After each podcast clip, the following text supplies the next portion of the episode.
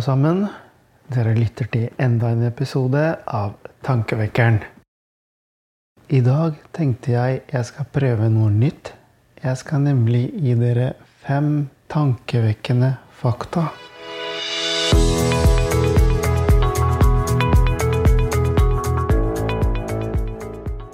Skal vi sette i gang? Nummer én. I 1999 oppdaget to forskere noe spesielt om intelligente mennesker. De heter forresten David Cunning og Justin Krugers.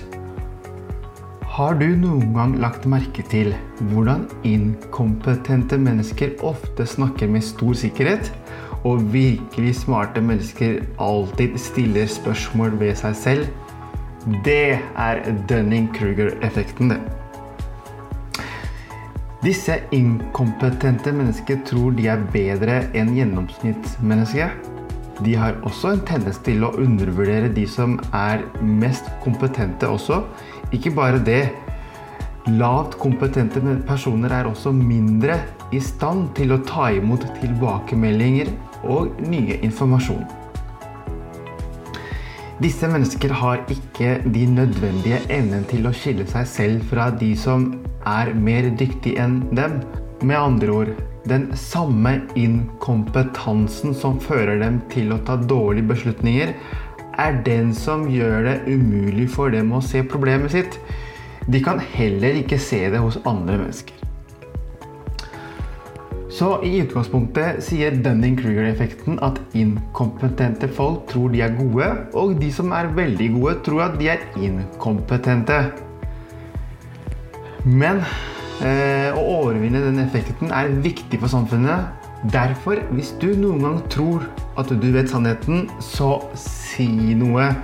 Ikke sitt og hold kjeft. Vi trenger at flere kloke mennesker har tillit til seg selv og deler sin kunnskap med andre. Og til slutt, hvis du er en av de som lider av Dunning-Kruger-effekten, har jeg tre råd.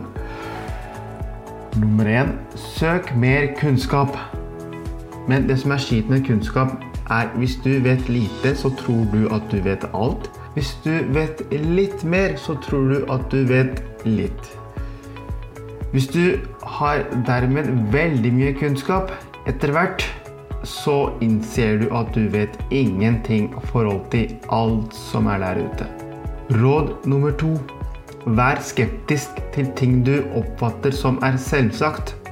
Nummer tre. Vær åpen for konstruktiv kritikk. Det hjelper.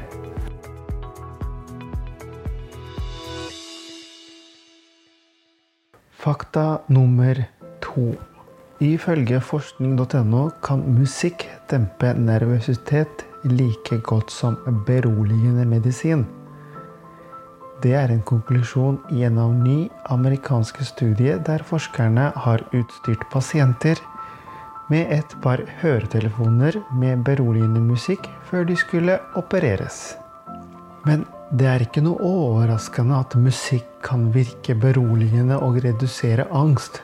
Men det er interessant at man har sammenlignet det med medisin og kommet fram til at det virker stort sett like bra.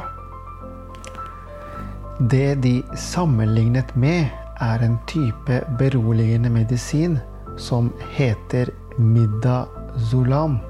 Daniel Levitin han er en av verdens ledende forskere på musikk og helse. Og er både selv musiker og er konsulent for mange verdensstjerner. Musikk styrker immunforsvaret og bekjemper stress, sier han. Når vi hører på et musikkstykke, danner vi flere antistoffer av type IGA via plasmaceller i tarmveggen, som beskytter mot infeksjoner.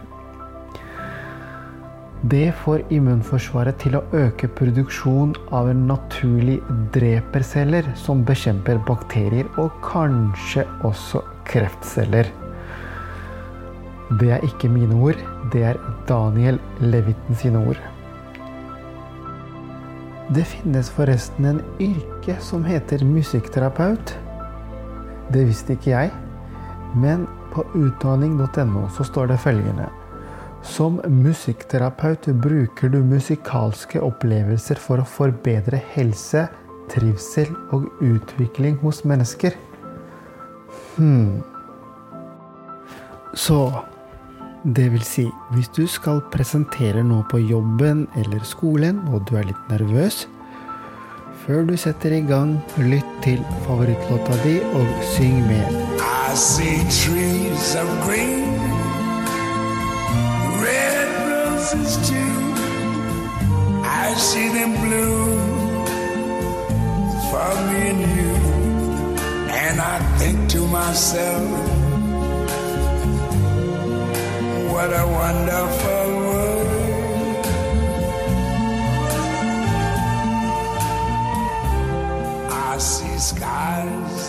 Og ikke tenk på at du må være god til å synge. Selv om du er like elendig som meg, så vil det fortsatt hjelpe. Fordi Hjernen din vil nemlig produsere masse endorfiner og oksytocin, og du vil føle deg mye mye bedre. Fakta nummer tre. Sosiale medier har kommet for å bli, og det er utrolig bra verktøy, syns jeg. Gjennom sosiale medier får vi informasjon om venner som vi ikke ellers ville ha fått. Er ikke det bra? Mm, kanskje. Men det gir oss enda flere muligheter til å sammenligne oss med andre. Du kan egentlig ikke kontrollere impulsen til å sammenligne, fordi man vet aldri hva vennene dine kommer til å legge ut i sosiale medier. I tillegg er det slik at de fleste i største grad legger ut positive ting som skjer i livet, og ikke det negative. Dette kan medføre at vi tenker at andres liv er bedre enn det det egentlig er. Som igjen kan gjøre at vi selv blir misfornøyd med egne liv. Jeg tror ikke sosial sammenligning er noe ny greie som har kommet. Men det forsterkes av sosiale medier. Fakta nummer fire. Suksess kommer til den som tror hardt nok. Vel, det er svært inspirerende, men konseptet om å tro og du vil oppnå, er bare oppspinn tillært fra barneskolens enkle psykologi. Jeg beklager hvis du er en av de som går rundt og tror på det. Men altså, å tenke positivt er selvsagt bedre enn å være pessimist og tenke at uh, alt går til helvete. Det er likevel ingen vanntett metode for å oppnå en drøm. Drømmer du om f.eks. å bli uh, en fotballspiller og spille for Vålerenga, men klarer ikke å treffe mål fra to meter unna, kommer du ikke til å oppnå den drømmen. Uansett hvor hardt du selv tror på det. Å tenke positivt kan være en sterk motiverende kraft, men det er nok innsatsvilje og målrettet hardt jobbing som faktisk får deg dit du vil. Det er mange bøker der ute som forklarer dette her nærmere, så det er ikke mangel på informasjon her. Du må bare leite. Fakta nummer fem. Da skal vi snakke om psykologiske fordeler av trening.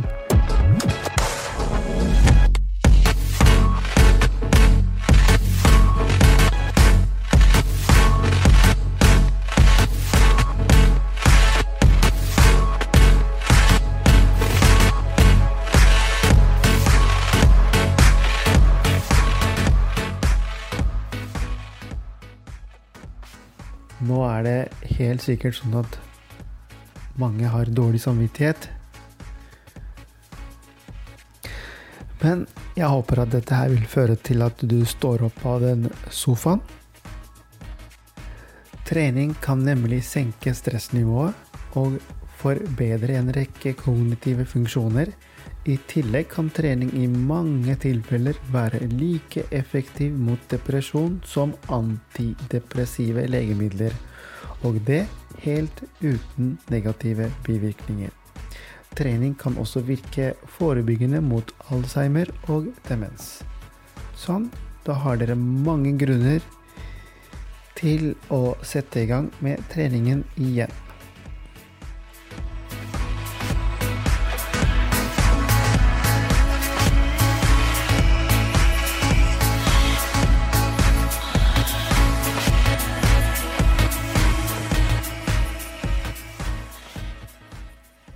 Du liker podkasten min, så må du veldig gjerne rate den, gi den en kommentar, og veldig gjerne dele den på sosiale medier.